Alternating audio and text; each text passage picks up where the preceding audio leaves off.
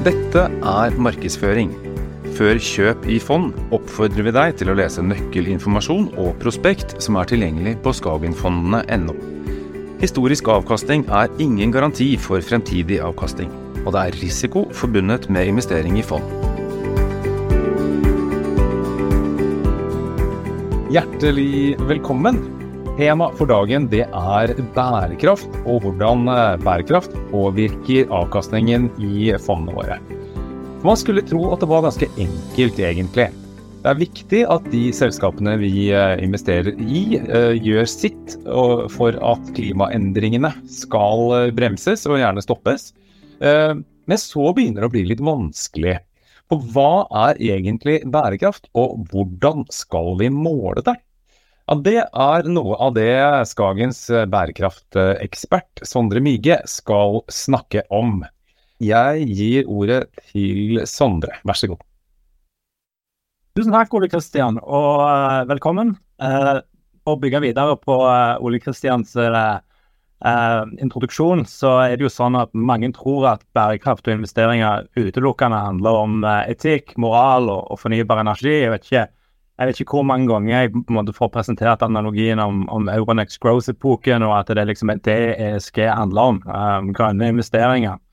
Um, og som, som Ole Kristian sa, uh, mitt navn er Sondre Myge. Jeg uh, leder arbeidet med bærekraft og investeringer her i, i Skagenfondene. Um, og målet med, med, akkurat dette webinaret er å rydde opp i temaet og få skuten som er bærekraft og investeringer på et kurs for bærekraft som et investeringstema er i høyeste grad relevant for deg som kunde av rent finansielle grunner.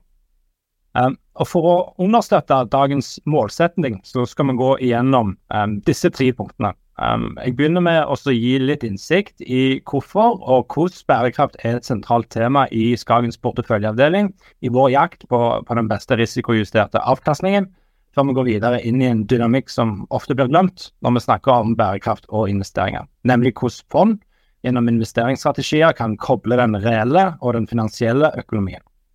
For å gjøre det enda mer tydelig, så avslutter vi med noen konkrete eksempler fra, fra våre egne fond i form av tre selskap som en ofte glemmer har en sentral rolle i bærekraftig utvikling, eh, og som vi i Skagen mener er selvskrevne kandidater eh, som også vil gi solid avkastning i en Skagen-stil, så leter vi etter investeringer der andre ikke ser, eh, når det kommer til bærekraft. Men for all del, talk is cheap, eh, så la meg eh, starte med å tegne et klarere bilde av hvordan vi jobber med dette her i Skagen-fondene. La meg starte med, med grafen til venstre. For som den viser, så har bærekraftstemaer opplevd en enorm interesse de siste årene blant sparere og investorer. Som et resultat så har penger strømmet inn i et mylder av produkter og strategier som understøttes av et hav av ESG-data av varierende kvalitet, eh, som har dukket opp som en respons til, til denne interessen og, og etterspørselen. Um, dette er produkter og strategier som ofte har leveranser utover avkastning, og, og slenger med at et fond skal oppnå et lavt karbonavtrykk, en skal avstå fra å investere i det en anser som bærekraftens problembarn, og heller vri kapital mot f.eks. grønn energi. Um, for oss i Skagen så, så er bærekraftsdiskusjonen ofte en, en, grov forenkling av bærekraft og investeringer. Uh, for det første så, så, er det jo ikke sånn at verden fungerer i siloer, uh, men gjennom leverandørkjeder og, og, tilbud og etterspørsel. For det andre så, så er ikke bærekraft som en overordna faktor ensbetydende med god avkastning. Ei heller dårlig bærekraft en indikator nødvendigvis på finansiell risiko. Og som grafen til høyre viser, så er det flere av de såkalte problemindustriene som gjør det bedre enn markedet for øyeblikket. Um, det finnes ingen overordnede fellesnevner for god eller dårlig bærekraft hva angår finansiell risiko og avkastning fra et investeringsperspektiv som sådan. Um, den analysen er ekstremt selskapsspesifikk, og for det så trenger vi aktive investorer som oss. Um, og dermed, altså, litt på grunn av, av forståelsen vi har fått rundt bærekraft, kall det i den offentlige samtalen, så blir det ofte hevda at at verdiforvaltere ikke kan holde på med ESG, fordi såkalte ESG-selskap handles til en premium og er typiske vekstaksjer. Um, og Det er langt fra vår opplevelse i Skagenfondene. Um, bærekraftsvurderinger på selskapsnivå har en ganske lang og stolt fartstid i måten vi jobber for å virkelig forstå og verdsette selskap uh, og i våre fundamentale analyser. Uh, som en gjerne har hørt i, i andre Skagen-webinar, så ser vi etter cheapness and change for å finne misforståtte og sterkt rapporterte aksjer som har en klar trigger for langsiktig verdirealisering. Um, og hvordan selskapet er posisjonert mot bærekraftshensyn, er en veldig viktig del av den analysen. Aksjer er ikke billige og populære på samme tid, og ofte er bærekraft en av grunnene til at de er misforstått. Um, det kan være at markedet ennå ikke ser en mulighet og et behov uh, som ikke har blitt prist inn i den reelle økonomien, eller at uh, håndtering av en spesifikk eh, bærekraftsrisiko um, har blitt forbedra, uh, men ennå ikke blitt reflektert i, i aksjemarkedet. Uh, og til enhver tid så er det de samme prinsippene som gjelder i Skagen. Alle disse analysene skal være med å gi best mulig risikojustert avkastning til deg som kunde. Uh, og Det at uh, bærekraft er en del av en langsiktig investeringsanalyse, er ikke nytt. Det er ikke revolusjonerende. Uh, som professor Alex Edmunds sjøl sier, det å vurdere langsiktige faktorer når du verdsetter et selskap, er ikke bærekraftige investeringer, men investering. Bærekraft handler for mange utelukkende om økonomisk sunn fornuft, og er dermed relevant for oss alle av utelukkende finansielle hensyn. Eh, det som har forandra seg, er den voksende etterspørselen og interessen for kunder, særlig rundt det som går på moralske forventninger og eksklusjoner av selskap. Så når vi er på dette temaet, så er det verdt å stoppe innom et spørsmål vi vet mange kunder er opptatt av, nemlig det å eie selskap som produserer store mengder CO2-utslipp. Eh, og Vi i Skagen vi mener klimaforandringer og CO2-utslipp er sentrale finansielle temaer å vurdere, det har noe å si for lønnsomhet og finansiell risiko og muligheter over en langsiktig investeringshorisont. For oss så handler alt om å vurdere lønnsomhet og avkastning i de investeringene vi gjør, og når det kommer til det grønne skiftet. Og Når det kommer til bærekraft spesifikt, så mener vi det er vårt moralske ansvar å eie dyktige selskap innen disse karbonintensive industriene som aktivt jobber med å kombinere bærekraftsforbedringer med god lønnsomhet til aksjonæren. Og det å ikke eie fossil energi, det er ikke det samme som å ikke eie gambling eller tobakk. Fossile utslipp er et biprodukt av energi som har generert enorm økonomisk velstand for verden, som den kjente Kaya-identiteten viser. Uten eh, energi, eller dersom tilbudet av energi er knapt, som vi har fått erfare med, med energikrisen som vi nettopp holder på å jobbe oss igjennom, Um, så får våre moderne samfunn uh, store problemer uh, i form av knapphet og i form av priser, uh, som gjør det dyrere med strøm, og som er et stor utfordring. men parallelt med utvikling og velstand, så jobber jo de aller fleste med å redusere hvor mye CO2 som slippes ut. Ikke fordi at det er nødvendigvis en plikt, som det òg er, men òg viktigst av alt fordi at det er i ens økonomiske interesse å gjøre det. Det å f.eks. vri om fra kull til gass uh, reduserer CO2-utslipp med ca. 40-60% og er et av mange eksempler på at lønnsomhet og bærekraft ofte kan gå hånd i hånd. Og Det som er viktig å presisere, er at når man skal forstå denne dynamikken fra et investeringsperspektiv, så må man fokusere vel så mye på de absolutte tallene som de relative. Og Med de absolutte tallene så ser vi her f.eks.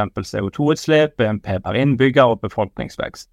Og når man ser på de relative tallene under, de som er i mer negativt terreng, så kommer man mer inn på faktorer som vi som investor er veldig opptatt av. Det går på hvor mye CO2 man trenger for å produsere noe i verden. Eh, CO2 per enhet energi, energi per enhet BNP, eller CO2 per enhet BNP. Og Som en kan se over de lange linjene, så trenger vi stadig mindre CO2 for å produsere varene vi trenger i verden. Og Et viktig vedheng til det akkurat denne diskusjonen, er at den grønne omstillingen som vi alle jobber for, er langt mer sakte og komplisert enn det vi gjerne håper og tror. Og det å sikre at man investerer i energisikkerhet har blitt et stadig viktigere tema. Ergo, um, diskusjonen rundt fossile brensler er ikke nødvendigvis rett fram. En krever um, en, en, dyp analyse på hvordan dette samspillet henger sammen med økonomiske realiteter og ikke minst lønnsomhet. Og dette synet er bakteppet til det vi mener er essensen av bærekraft og investeringer, nemlig å være en brobygger mellom den reelle og den finansielle økonomien. For om vi som investor skal kunne bidra til bedre investeringer og forbedringer ute i verden, så må vi gjøre mer av det vi er gode på, som er å plukke de beste selskapene og investere i verden som den foreligger, og ikke som vi ønsker og håper at den skal se ut. For det er et stort paradoks når det kommer til bærekraft og investeringer, eh, at vi krever en omstilling, men ikke på egen bok. En vanlig måte, som jeg har nevnt innledningsvis, eh, å demonstrere bærekraft på, er med å vise f.eks. til karbonavtrykket til et fond. Det skal angivelig fortelle deg noe om hvor lite CO2 som behøves for å produsere en million dollar eller en million norske kroner i salg, og konstrueres og manipuleres med at en selger ut alle selskap som produserer betydelige mengder CO2-utslipp. Og Her har vi en annen dimensjon på hvorfor bærekraft er viktig for din avkastning. Vi mener at det å binde seg til å måle den slags type kopier på fondsnivå kan drive finansiell risiko i fond og føre til utilsikta konsekvenser på koblingen mellom den finansielle og den reelle økonomien. Og vi var nysgjerrig på hvordan eh, samspillet mellom disse finansielle karbonavtrykkene og den reelle økonomien faktisk var. Så vi kjørte et raskt studie for å få litt innsikt. Vi observerte utviklingen på disse tre variablene over fem tidsperioder. Uh, og Den røde linja er de globale CO2-utslippene, mens de mørkeblå og lyseblå linjene ser på karbonavtrykk og direkte utslipp til den kjente og ofte brukte referanseindeksen MCI Acqui. Um, dersom karbonavtrykk var en god indikator for bærekraft, så burde jo dette gi utslag i den røde linja. Men som dere ser, så har globale CO2-utslipp vært på stedet hvil i fem år, mens finansielle porteføljer har dekarbonisert med 25-30 over samme tidsserie. Og Grunnen for at jeg bruker litt tid på dette, er todelt. Eh, den første er at eh, etter vårt syn så viser dette at finansbransjen gjør en dårlig jobb med å bidra til å redusere globale CO2-utslipp. I all hovedsak fordi vi bruker dårlige måleenheter og analytiske snarveier. Det dette viser, er at finansielle produkter dekarboniseres på bekostning av den reelle økonomien og vi bidrar mindre og har mindre eksponering til temaene som driver reelle problem ute i verden. Og Litt av konsekvensen av denne framgangsmåten uh, i form av hvorfor en øker finansiell risiko, er at den underliggende klima- og omstillingsrisikoen øker i underliggende selskap i disse indeksene, og gjerne i fondene, fordi en tror at klimarisiko er håndtert gjennom et kunstig og optisk lavt karbonavtrykk som ikke er kobla til dynamikker i den reelle økonomien. Implikasjonen er at vi dekarboniserer på papiret i den finansielle økonomien, peker fingeren videre og lar andre regnskapsføre CO2-utslippene, og samtidig øker den finansielle risikoen ved å miste synet på realøkonomisk risiko for aktivene i de aktuelle fondene. I Skagen så kaller vi denne dynamikken CO2-placebo. Du tror du bidrar, men gjør sannsynligvis vondt verre, særlig dersom produkt bruker eh, den slags type referanseindekser til å vise at de er enda bedre, um, som egentlig bare øker CO2-placeboen. Og som kanskje ikke er så vanskelig å tolke, så er dette et godt stykke unna måten vi i Skagen engasjerer oss i å koble den reelle og den finansielle økonomien. Vi er en fondsforvalter og ser på et fond som å være en tilrettelegger. Uh, vi kobler den reelle og den finansielle økonomien med å håndtere systemet gjennom det spesifikke. Og hva mener jeg med det? Jo, bærekraft er et stort systematisk tema, på lik linje med mange andre systematiske temaer. Eh, geopolitikk, eh, leverandørkjeder, regulatoriske vridninger, trenden rundt netto null-målsettinger osv. Eh, og det er en sterk sekulær trend som vil prege aksjemarkedet over de neste tiårene, uavhengig av hva en føler og mener om bærekraft som et tema for debatt. Som en global investor så må vi til enhver tid lese disse store linjene og trendene som utspiller seg. Systematiske temaer har en betydning for måten vi plukker selskap, og velger ut hvilke vi tror vil gjøre det best over en lengre investeringshorisont. Og De prinsippene tar vi inn i våre fond. Eh, fondene våre eh, er tolker, eller tilretteleggere. De tolker signalene, og deretter plukker de beste investeringene som vi tror er best posisjonert. Eh, og På forenkla vis så investerer vi da i selskap med en klar plan på å navigere dette systemet, eh, og som kommer med positive, men gjerne små bidrag til jeg kaller det systemnivå. Forenkla sett så handler det ikke om oss, eh, det handler om hvordan vi leser systemet, tilrettelegger, analyserer og forstår utgangspunktene selskap har for suksess, særlig når det kommer til langsiktige forbedringspotensial på bærekraftsfaktorer. Så dermed, litt som en konsekvens av å være en, en fundamental investor, så blir vi kontrære om vi vil eller ei. Um, og det er vi egentlig ganske komfortable med. Um, det det innebærer, er at vi ofte plukker selskap som vi mener leverer bærekraft og gode avkastningsmuligheter um, i samspill. Uh, så jeg skal snakke om tre av disse selskapene nå uh, avslutningsvis. Um, og det er tre selskap som av forskjellige og kanskje litt snodige grunner ikke er i såkalte typiske ESG- og, og bærekraftsfond. Eh, men som fra vårt perspektiv i høyeste grad har eh, bevist en sterk leveranse og forståelse rundt bærekraftsprinsipp og deres forretningsmodell. Eh, så vi starter i god kontrær stil med sementselskap. Dette er Sementir, som vi finner i Skagen Fokus. Sement er jo et produkt som har mange gode egenskaper inn mot det grønne skiftet.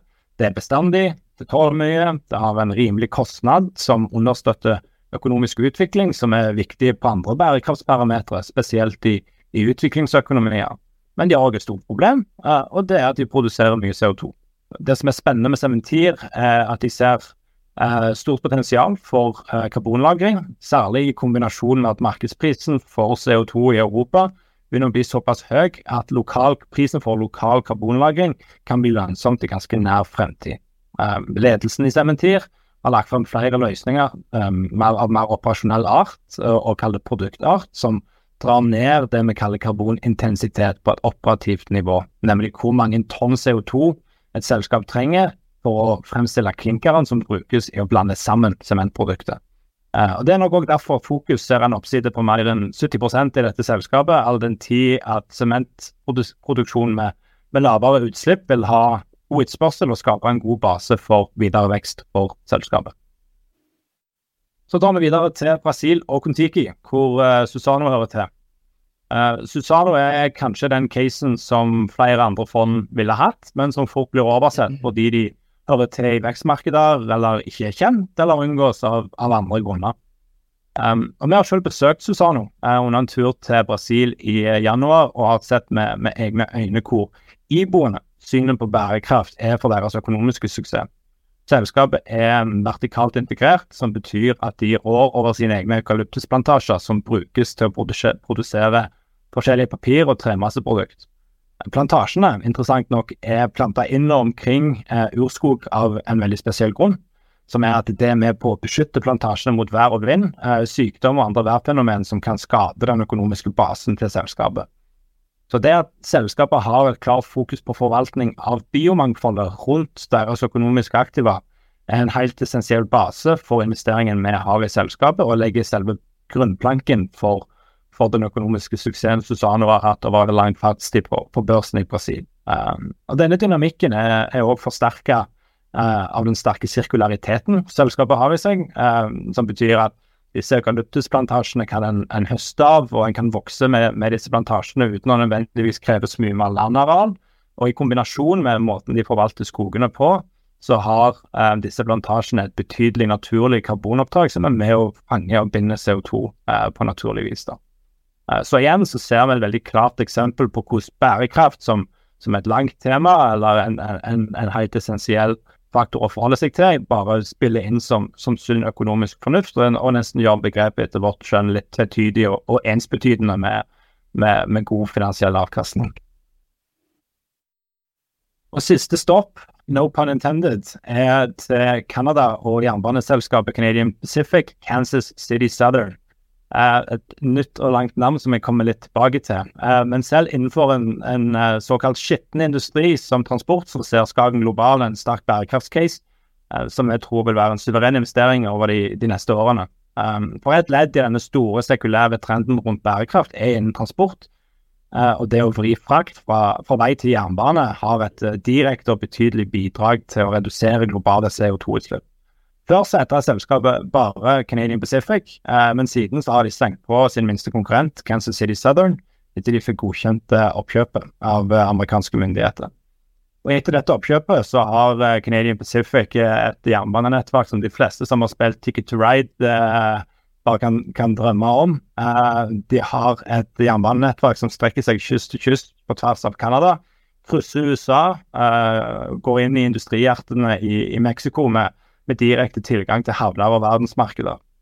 Og igjen så er bærekraft et fremtredende tema for, for investeringen, eh, hvor vi tror at selskapet er, er, sterkt posisjonert til å vokse videre med drahjelp av, av bærekraftsdynamikker. En ting er Inflation Reduction Act i USA, som gjør at befraktning av det grønne skiftet vil måtte vokse, men òg eh, mer de forretningskoblingene som oppstår med, med selskap som ønsker å redusere transportrelaterte CO2-utslipp.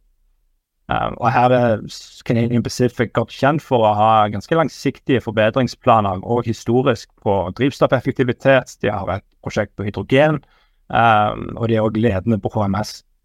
Og akkurat dette HMS-eksempelet er, er, et annet strålende eksempel, all den tid at de gjorde det veldig enkelt, i hvert fall enklere, for amerikanske tilsynsmyndigheter å, å gå god for oppkjøpet, all den tid at Canadian Pacific kunne vise til at de over flere år eh, var den sikreste jernbaneoperatøren, og at en slik sammenslåing ville heve sikkerheten på amerikansk jernbane generelt. Bra. før vi går videre til, til Q&A, så vil jeg bare ta en, en eh, rask oppsummering um, uh, og samle trådene litt. Uh, og som dere forhåpentligvis har, har innsikt i nå, så er bærekraft vel så mye et finansielt tema for deg som kunde som det er et moralspørsmål. Begge er viktige, men jeg tror ofte at vi, vi tror at det kun handler om den ene og, og ikke den andre. Eh, med andre ord, er du ikke opptatt av bærekraft og investeringer av moralske grunner, så er det plenty av gode grunner til å være det av rent finansielle grunner. Og Som vi har sett med flere av uh, eksemplene i dag, så er det ingen motsetning å fokusere på bærekraft og levere god økonomisk sunn fornuft. Samtidig så er det krevende landskap for kunder å, å navigere det mangfoldet av produkter og strategier som finnes der ute. Og, og Vårt råd er å stille gode kontrollspørsmål på hva du som kunde er, er opptatt av. Eh, gjerne være, obs på, på CO2-placebo og, og, mer av de util, um, utilsikta konsekvensene som, som, kan oppstå i det å prøve å koble den finansielle og den reelle økonomien.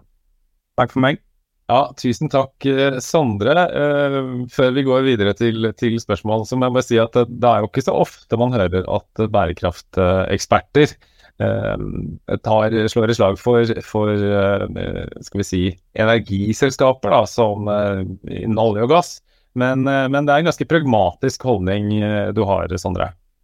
Ja, en, en, en må nesten være litt pragmatisk i denne rollen, all den tid at um, de store, lange linjene på hvordan verden vris mot en bærekraftig omstilling, er nok mer saktegående enn en tror, og vi må på en måte kunne kontrollere de variablene vi, rår over. Um, vi kan ikke late som at vi er politikere som, som, nødvendigvis bare kan springe og si hva selskap skal gjøre. Uh, vi må lese det landskapet, som òg inkluderer det politikere bestemmer å gjøre på, på systemnivå, og, og plukke de beste ideene, og innenfor det jobbe sammen med selskap for langsiktig forbedring. Um, og der, der, tror vi òg litt av de underliggende dynamikkene som jeg viste til, det med å uh, skape en, en, positiv dynamikk som, som fort blir glemt i en litt forenkla uh, diskusjon rundt bærekraft, rundt kall det mer fokus på vindmøller, grønn energi og den slags type ting. Det økosystemet er, er langt bredere. Og så er det også da viktig å huske på at bærekraft er litt mer enn uh, miljø. Nå skal vi få inn eh, Janine Andresen. Hun er en av våre mest eh, erfarne rådgivere. Eh, som i tillegg også har jobbet mye med bærekraft i Skagen. Og Janine, for dere så er bærekraft et veldig viktig element i rådgivningsprosessen som dere har med kunder. Hei Ole Kristian. Ja, det stemmer det. Vi snakker etter hvert mer og mer bærekraft med kundene våre. Men først så vil jeg også takke Sondre for eh, å ha gitt eh, god innsikt i eh, temaet bærekraft og investeringer. Og så en liten sidekommentar til Ticket to Ride. Jeg har spilt mye Ticket to Ride, og ja, jeg skulle gjerne ha tilgang til eh, Canadian Pacific Kansas City sitt jernbanenettverk. Men det som eh, jeg, jeg har eh, sett Jeg har sett litt på det som våre kunder spør om og hva vi møter eh, av spørsmål hos kundene våre når vi har rådgivning. For Vi ser jo at utviklingen innen bærekraft og investeringer, det er, skjer jo en rivende utvikling der i et raskt tempo. Det kommer stadig nye endringer og lovkrav eh, som både vi som fondsselskap må forholde oss til, men som også selskapene vi investerer i og kundene våre må forholde seg til. Og så er det jo ikke alltid like lett å følge med på denne utviklingen. Og nå er jo også bærekraft et lovkrav, eh, og ikke bare et valg som eh, de som er spesielt interesserte tar. Mm.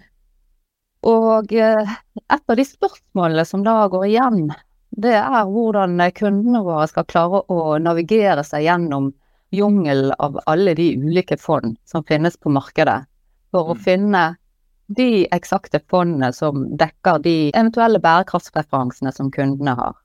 Har du noe enkelt svar på det, Sondre?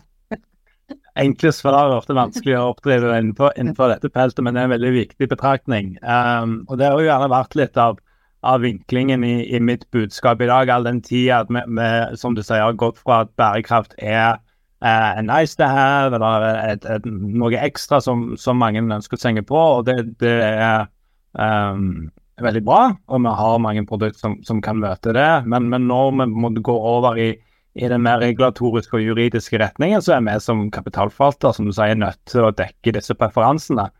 Um, og Det første jeg måte vil, vil, poengtere der, er at det, det, er gjerne fort gjort å ha en refleks på at det er, dette er ikke interessant for meg. Um, og det er fine, uh, men, men, jeg tenker at husk også på at dette kan bety noe av rent finansielle grunner. Det, det, er ikke sånn at du må ta, moralsk, uh, ta en moralsk stilling på hva, hva, dine moralpreferanser er nødvendigvis. Du kan det, men du kan òg av rent det, finansiell nysgjerrighet prøve å forstå hvordan denne tematikken påvirker og jeg kaller det forstått i investeringsstrategier til fond.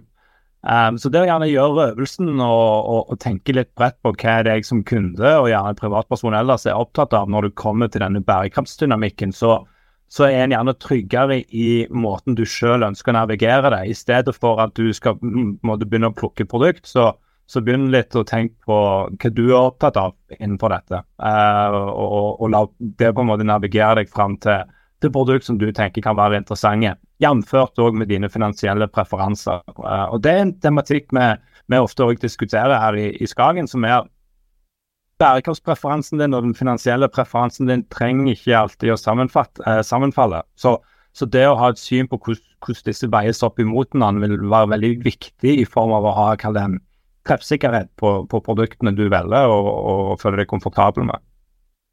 Ja, det er jo som du sier, at eh, det er viktig å løfte blikket fra moral og etikk, og også se på eh, den mulige påvirkningen vi som fondsselskap også har eh, i selskapene vi investerer i. For det, det som også da kundene lurer på, og det gjelder jo da våre egne fond, altså Skagen sine fond.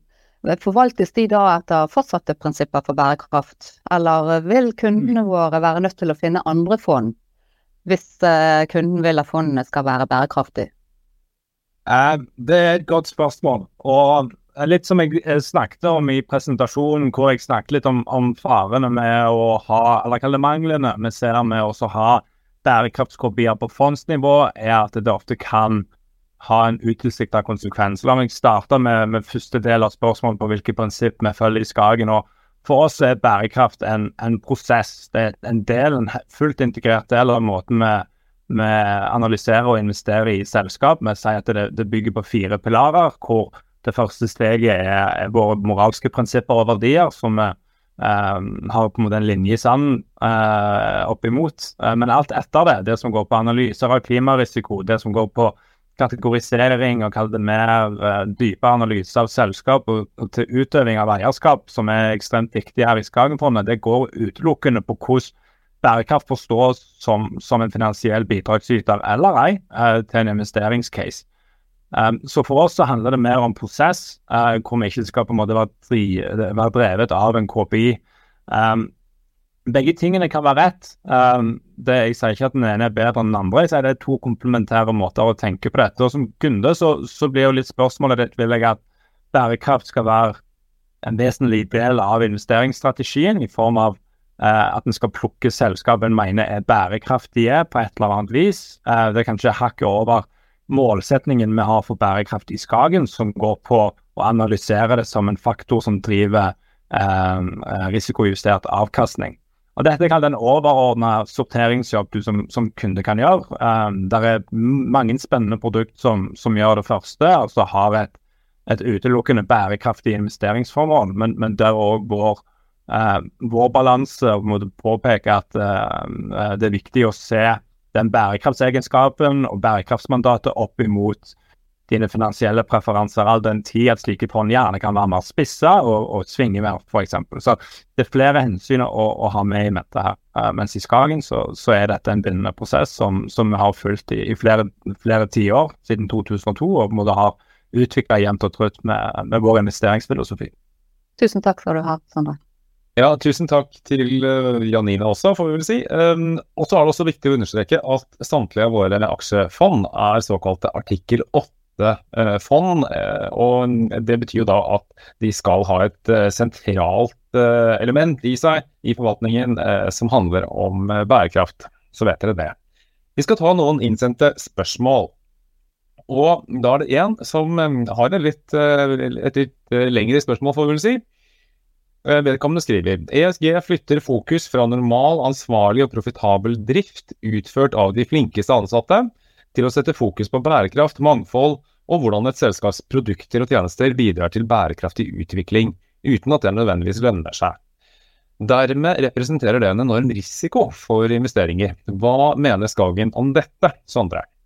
Det vi mener om det, er at jeg forstår veldig godt hvor kunden kommer fra i å formulere spørsmålet, eh, men jeg er ikke nødvendigvis enig i premisset. Og med det så mener jeg at um, i Skagen så, så, investerer vi ikke i noe vi ikke mener er lønnsomt. Um, så bærekraft skal være en del av en total vurdering.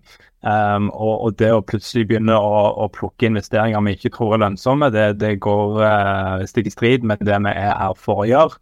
Det er klart Ute i samfunnsdiskusjonen ellers så er det jo mye diskusjon rundt hvilke av disse grønne teknologiene som vil bli lønnsomme eller ei. Det er liksom ikke et tema som sentralt opptar oss på samme vis, mer enn at det er noe vi sitter og følger med på. Uh, men til syvende og sist uh, så, så er forutsetningen for oss at bærekraft skal være relatert til det som driver risiko og, og lønnsomhet i, i selskapene vi investerer i. Mm.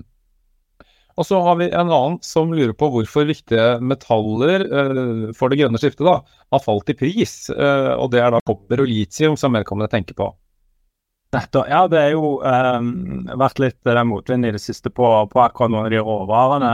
Um, generelt så, så, så, er vel konsensus at det har med eh, litt resesjonsfrykt å gjøre, og, og svak gjenåpning i, i Kina. Eh, det sagt, så, så vil jeg personlig si at eh, det lange behovet i realøkonomien for mineraler er fortsatt eh, sterkt, eh, og, og eh, at det fort vil, vil, komme til syne fremover òg.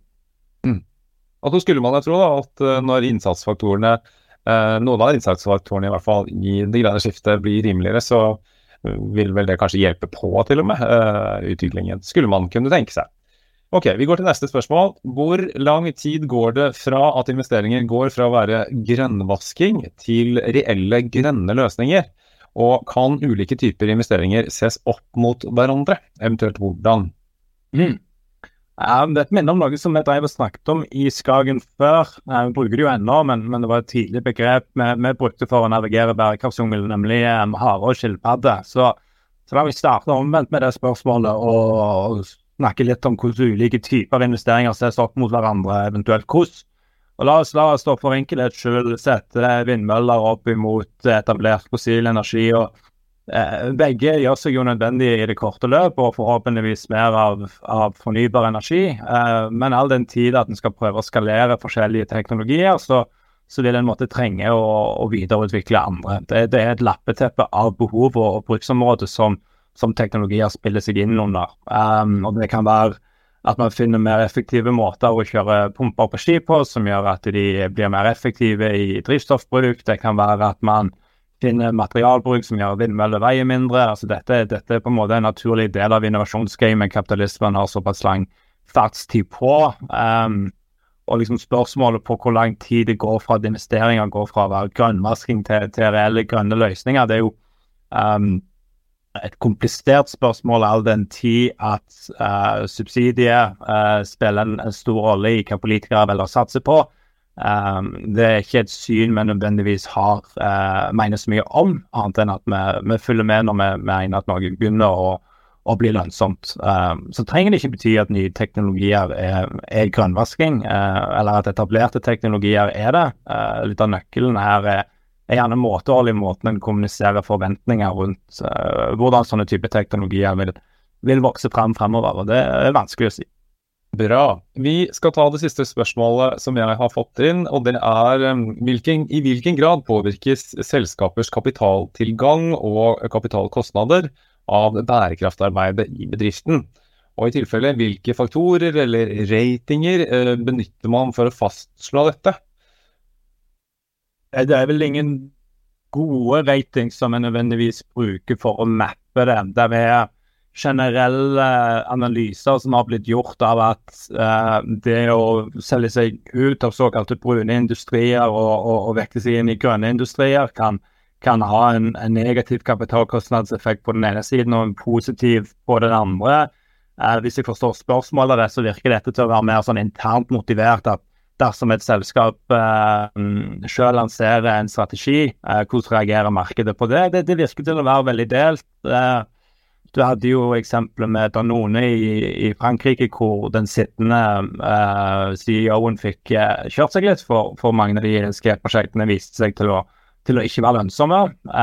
Canadian Pacific, som jeg snakket om nettopp, de lanserte en, en, plan på sin klimastrategi som ble veldig positivt mottatt av aksjonærer. Så det, det, det er ikke en, en, generell regel på hvordan dette mottas, men utover at eh, forslag av en bærekraftsart som markedet ser til å være positiv for en investeringscase, belønnes, mens de er mer skeptiske til det, kan svinge motsatt. Hvis jeg kaller det på et overordna nivå, er måten å forstå den dynamikken på. Jeg skal si tusen takk ja, til både Janine og um, Sondre for uh, et interessant webinar. Og uansett hvor på skalaen du befinner deg på denne bærekraftinteressen, så um, kan du vite at bærekraft er en integrert del og en veldig viktig del i investeringsprosessen i Skagen. Og lurer du på hvordan du best kan investere, enten bærekraftig eller for å få uh, best mulig avkastning, det er jo det vi jobber med uh, hele tiden, så syns jeg at du skal ta kontakt med oss. Uh, da kan du snakke med Janine eller en av våre mange flinke rådgivere. Og så hjelper vi deg som best vi kan. Men for nå sier jeg tusen takk for i dag.